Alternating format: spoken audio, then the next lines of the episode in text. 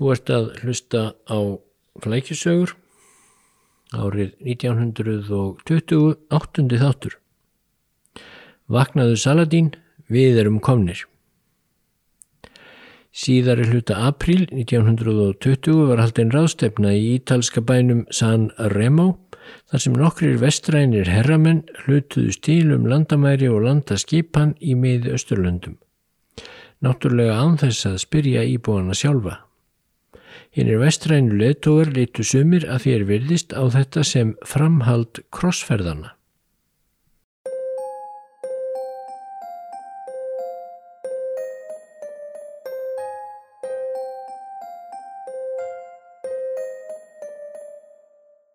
San Remo heitir bær á ítölsku ríférunni, engar skjólsætl og sólríkur bær. Fyrir hundrað árum byggu þar eitthvað um 10.000 manns og sísluðu við fiskveiðar og ferðamennsku. Margar voru þeir silkihúfurnar sem höfðu gist fínustu hótelinn í San Remo, allt frá Sissi, keisarinn í Austuríkis, til Nikolásar Annars, rúsakeisara. Upp úr miðjum april 1920 var tilstand mikill í San Remo því þangað voru þá mættir forsættistur á þeirrar þryggja af fórustu þjóðum bandamanna í nýlokinni heimsterjöld. Þetta voru Davíð Lloyd George frá Breitlandi, Alexander Milleran frá Fraklandi og heimamadurinn Ítalinn Francisco Nitti. Með þeim komu utanríkisráðurar þeirra og helstu diplomatar. Auk þess voru komnir á luxushotellin fulltrúar Japana sem töldust til bandamanna, áheirnar fulltrúar bandaríkjana sem annars tóku ekki formlegan þátt í ráðstefnunni sem nú fór í hönd og ymsir fleiri voru þarna því nú stóð mikið til. Ákveð átti hvernig skipaskildi málum í miðausturlöndum þar sem hið fallna ottomanaveldi Tyrkja hafði ráði ríkjum. Eftir þáttöku í heimstyrjöldinni við hlið þjóðverja var Tyrkjaveldi nú gjörsamlega hrunið. Tyrkir höfðu ráðið Mesopotamíu þar að segja Írak, Sýrlandi og Palestínu í fjórar aldir. Ottomannar uh, tóku líka Arabíu skagan á sínum tíma en helst illa á honum. Á átjándu öld fór að rýsa Arabíst ríki á austanverðum skaganum sem hverðist um Muhammed bin Saud og afkomendur hans. Þeir máttu að lokum heita kongar á svæðinu. Ottomannar letu það gott heita enda eftir litlu að slæjast í eði mörkinni þar um slóðir. Þeir heldu hins vegar lengst af fast í vestanverðanskagan því þar voru hinnar heiluguborgir Medina og Mekka. Í byrjun 20. aldar ríkti yfir svæðinu fulltrúi ottomanna, Hussein bin Ali héttan og hafði ennbættis heitið Sharif. Hussein bin Ali var að langfæðgatali af emýrum þar um slóðir Hasiamítar hétt svo ætt og eftir því sem Tyrkjaveldi nignaði þá höfðu sjarifarnir í Mekka orðið sjálfstæðri. Í baráttu sinni við Tyrki í fyrir heimstyrjöldinni höfðu bandamenn aðalega brettar bundið mjög trúsitt við Hussein Ben Ali og töldu um tíma einsýnt að hann skildi fá að ráða yfir Arabíuskaga. Hussein og sínir hans voru leðtóðar uppreysnar sem Arabar hafðu gert gegn Tyrkjum árið 1916 þegar heimstriöldin stóð enn sem hæst. Arabísku uppreysnarherrirnir náðu ágætum árangri og tóku meira að segja eina af helstu borgum svæðisins, Damaskus í Sýrlandi. Í mars 1920 lísti einn af sónum Husseins, Faisal, sig konung yfir Sýrlandi og Líbanon sem er hinn forna fönikía. Bandamenn fóru þá að hafa áhyggjur en það höfðu frakkar ætlað sér stjórn í Sýrlandi. Brettar voru á hinbóin í vandraðalegri stöðu þar sem þeir höfðu jú stutt og magnað upp Hussein Ben Ali og síni hans þar á meðal Faisal. Faisal var mikil vinur bretta og yfirleitt hliðhóllur Evrópumönnum. Því var blásið til ráðstefnu í San Remo sem hófst 19. apríl. Í orði hverðinu þá snerust áhyggjur bandamanna um að íbúar miðausturlanda væri ekki tilbúnir til að stjórna sér sjálfur eftir svo langa hersetu og gúun Tyrkja. en veitanlega var ekki síður um að ræða þá nýlendustefnu og heimsvalda pólitík sem hinn vestrænu stórveldi voru þá gegn sírð af. Grunnur um að miklar ólíulundir kynnu að leynast í Írak var til dæmis farin að skipta verlugumáli því notkun á ólíu var að verða æmikilvægari með aukinni vélvæðingu. Á nokkrum fögrum vordögum réðu hinnir vestrænu herra ráðum sínum eins og hátur þeirra var. Fríðarsamningar við Tyrki sjálfa byðu að vísu fram á höstið en að öðru leiti voru herrarnir ekki í vandræðum með að skipa löndum sínum. Að mestu var líka byggt á leinilegu plaggi sem brettar og frakkar hafðu barið saman 1916 og hefur verið nefnt Pækó-Sæks samkominlægið. Frakkar höfðu nú sendt einn af sínum helstu herfóringjum, Henri Gourau, til að brjóta á bakaftur hið sírlenska konungsríki Fæsals og mátti vita að það tækist uh, vandraða lítið. Þegar Fæsal Yrði kveðin í kútin myndu frakkar svo taka við stjórninni í Sýrlandi og í Líbanon eins og kveðið hafði verið áum í Paiko Sykes samkominlæginu. Eins og kveðið hafði verið áum í Paiko Sykes samkominlæginu. Um það voru rástefni gestur í San Remo og Samála og töldu sig ekki þurfa að spyrja sírlendinga álits. Sýrlendingar skildu síst í því af hverju þeir ættu nú að lúta frökkum eftir að hafa verið kvattir til þess af bandamönnum að taka þátt í uppreist gegn Tyrkjum en þá hafðu bandamenn reyndar lofaðum hátilega að þeir gætu fengið sjálfstæði eftir heimstyrjöldina. Svo fór þó sem búist var við að í júli 1920 varð Fæsal Sýrlandskongur að beigja sig fyrir úrslita kostum frakka og samþykja að verða á brott frá Damaskus. Stríðsmálar á þeirra hans Júsuf al-Asma neytaði að vísa að gefast upp og fjalli í orustu við frakka þar sem heitir Maisalún. Það er í Líbanonsfjallum. Þá var það sem Gúró hersöðingi gekk að sögn að gröf Saladin Soltáns sem hafði betur gegn konungum Fraklands og Englands í þriðju krossferðinni 1189 til 1912 sparkaði í gröfina og mælti af yfirlæti heimsvaldasinnans vaknaðu Saladín við erum komnir aftur. Kom, koma mín hingað helgar sigur krossins yfir hálmánanum. Og ættu menn svo ekki að vera mjög hissa þótt arabískir baráttumenn gegn vesturlöndum núatímum eigi það enn til að grípa til líkingamáls úr krossferðunum og kalla vestræna menn krossfara.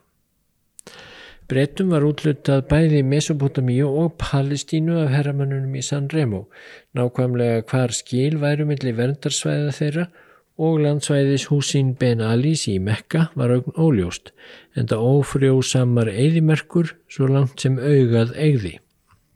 Ekkert var í San Remo fjallaðum Arabíuskagan sjálfan en þar ríkti nú Ibn Sád ættarlaukur Sád-ættarinnar sem emir í austri en Hussein Ben Ali var enn í fullu fjöru í vestrinu. En fleiri léttu sjá sig í voru veðrinu þarna í San Remo. Sendi nefnd gýðinga var komin til að skipta sér af örlugum Palestínu. En þangað höfðu gýðingar flust í æríkari mæli undan farna áratögi í nafni síónismans svo kallaða sem gekk út á að geðingar ættu skilið að eignast heimaland hvar sem því er þið svo hólaði niður.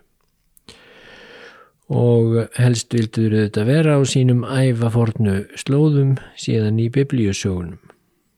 Fyrir sendi nefnd síónistana fór lágvaksinn en aðsóps mikill og sveipsterkur lífefnafræðingur sem fættur var í Rúslandi, Kaim Weissmann. Á stríðsárunum hafði hann verið óþreytandi að leggja brettum lið gegn Tyrkjum í miðausturlöndum og vildi nú að sjálfsögðu fá eitthvað fyrir snúðsinn. Í byrjun november árið 1917 þá hafði Weissmann átt einna mestan þátt í að Artur Balfour, þáverandi utanrikkisra á þeirra bretta, gaf ofinbyrra yfirlýsingu þar sem staðhæft var að brettar stittu að komið yrði á fót í Palestínu þjóðar heimili fyrir geðinga eins og það er orðað. Nákvæmlega hvað þessi yfirlýsing þýtti og hvað átt væri við með þjóðarheimili var helst til óljóst. Af hálfu breyta var samt á hreinu að ekki væri endilega átt við sérstakt gýðingaríki og allara síst ríki þar sem gýðingar drottnuðu yfir aröpum og öðrum íbúum. Það hefði líka verið fráleitt því af 700.000 íbúum í Palestínu þá voru aðeins 76.000 gýðingar og næri allir höfðu flustangað síðustu 40 árin. Fyrir 1850 þá hafi verið bara handfyll í gýðinga í landinu eins og segir í skýrslu bresku stjórnarinnar frá 1921. Kristnir menn voru raunar ívið fleiri í Palestínu árið 1920 en gýðingar. Kristnumennir tilherðu flestir réttrúnaðar kirkjunni grísku en töluðu arabísku Múslimar voru tæplega 550.000. Breska stjórnsíslan var hliðhóll gýðingum, ekki síst vegna digrar aðstóðar væsmanns og félaga í barátunni gegn Tyrkjum. En líklega töldu þó flestir brettar í fyrstu að yfirlýsingin þýtt ekki annað en að tryggt yrði að gýðingar gætu búið óáreittir í Palestínu, þeir sem kísu yfirleitt að setjast þar að. Væsmann og félagar voru hins vegar ákveðnir í að hamra járnið meðan það var heitt. Hann og helstu samverkamenn hans, pólski bladamæðurinn Nahum Sokolov og breski þingmaðurinn Herbert Samuel mættu því galvaskir til San Remo og kröfðust þess að Balfour yfirlýsingin yrði fléttuð inn í þann tekstar ástefnunnar sem snerist um yfirráð breyta í Palestínu. Þetta var rætt á ráðstefnunni í heilan dag, þann 2004. apríl, áður en henni laug. Frakkar mölduðu mjög í móin en Balfour sem var mættur til San Remo sem ráðgjafi stutti Væsmann og félaga.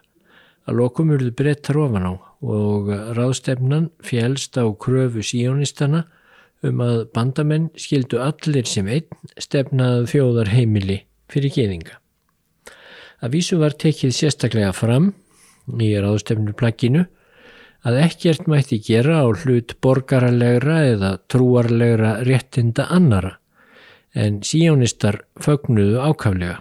Þeir litum réttu svo á að þar með hefðu bandamenn og engum breytar skuldbundið sig til að gæta alveg sérstaklega réttinda gýðinga og væntanlegs þjóðar heimilis þeirra í Palestínu. Svo káttir voru síjónistar eftir San Remo ráðstefnuna að þeir skipulöðu með sér skrúðgöngur í mörgum löndum til að halda upp á að Balfour yfirlýsingin væri þannig orðin óafmáanlegur partur af stefnu og hugmyndafræði bandamanna. Í Lundunublaðinu The Times byrtist frásögna fögnuði geðinga og þar kom tvent mjög greinilega fram. Annars vegar ástæðurnar fyrir gleði síjónista og hins vegar svo tólkun sem var að verða æmeira ábyrrandi hjá síjónistum og stuðningsmönnum þeirra að orðið þjóðarheimili þýtti einhvers konar ríki gýðinga þótt undir breskri stjórnværi fyrsta kastið. Í blæðinu segir Þetta þýðir að loksins eftir 20 aldir geta gýðingar byrjað að endurheimta sitt forna heimaland undir tröstri og siðmentaðri stjórn bretta. Gýðingurinn gangandi mun nú loks eignast heimili. Í San Remo skrifuðu herramenn undir yfirlýsingu þann 25. april 1920 þar sem allt ofangreint kom fram og svo kvöttust þeir innverðulega og settu upp harðkúlu hatta sína að loknu góðu verki þessa viku fannst þeim. Strax í mæ kom hins vegar í ljós að íbúar í Mesopotamíu skildu engu betur en sírlendingar af hverju þeir ættu nú að sætta sig við að ný Erlend ríki tækju yfiráð yfir þeim þegar þeim hafði verið lofað sjálfstæði eftir uppreysnina gegn Tyrkjum 1916. Mikil mótmæli brutust út gegn brettum og breski herin þurfti að taka á öllu sínu til að bæla hana niður. Brettar ákáðu síðan að til þess að fríða í búa skilduður leggja af formleg yfiráð yfir Mesopotamíu og stopna þar konungsríki sem þó stóð aldrei til að þeirði annað en leppríki þeirra. Þeir völdu til konungs Faisal vinsinn burtreikinn frá Sýrlandi og þótt íbúar í Mesopotamíu þekktu hvorki hausnýja sporða á Faisal þessum þá tókstunum að afla sér stöðningskonungs og var kryndur í ágúst 1921. Ætt hans ríkti svo í Írak undir örugri handleiðslu Evrópumanna náttúrulega ánga til árið 1958 þegar sonar síni hans, Faisal öðrum, var steift af stóli af herfóringum. Eins og sjáum á á nútímakortum er eitt ríki enn á þessu svæði sem ónefndir Jordania og tilordning þess var endar hálfgerð tilviljun. Eftir að frakkar höfðu hrundið Fæsal frá Sýrlandi í júli 1920 og stopnað sitt verndaríki þar, þá kom í ljós að þeir höfðu engan áhuga á siðsta hluta Sýrlandsvæðisins sem þá var kvalluð Transjordania. Transjordania var bláfátækt hér að og nálega ekkert þar að finna nema eðimörk. Eldri bróðir Fæsals, Abdullah Prins, helt þá með nokkurn herr inn á svæðið frá Mekka og hugðist ráðast þaðan norður á bógin til Damaskus til að segja ættina aftur til ríkis. Brettar kvættu hann ákaft til að hætta við vonlausa herfur gegn frökkum, sljákaði þá nokkuð í Abdullah en hann lísti hins vegar áhyggjum af því að brettar myndi koma upp konungsríki gýðinga í Palestínu. Brettar töldu greinilega hætta á að Abdullah stemdi hér sínum til Palestínu til að kveða gýðinga í kútin og fullvisuðanum að engin hætta væri á yfirgangi gýðinga í Palestínu. Nýr landstjóri bretta í Palestínu hvað stertað orði um þetta. Það var engin spurning um að setja upp ríkistjórn gýðinga þar, ekkert land er þið tekið frá neinum araba, nýja heldur er þið hróblað á nokkurn hátt við trú múslima. Kaldaðinislegt má telja að þessi nýjilandstjóri var Herbert Samuel sem fyllt hafði Haim Weissmann diggilega á ráðstefnunni í San Remo. Svo fór að snemma næsta árs bauð nýr nýlendumálur á þeirra bretta Winston Churchill Abdullah til Tebóðs þar sem hann um, gerði prinsinum tilbóð.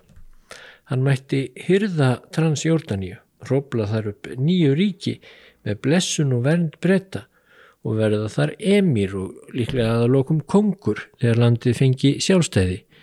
En í staðin er þann að láta af öllum belgingi gegn frökkum í Sýrlandi eða geðingum í Palestínu. Þessu tilbóði gatt Abdullah ekki hefnað og því er sonar, sonar, sonur hans Abdullah annar nú kongur í Jórdaníu, í ríki sem líklega hefði aldrei orðið til og kongur yfir fólki sem á tilveru sína sem sérstök þjóð að þakka tebóði sjörsils.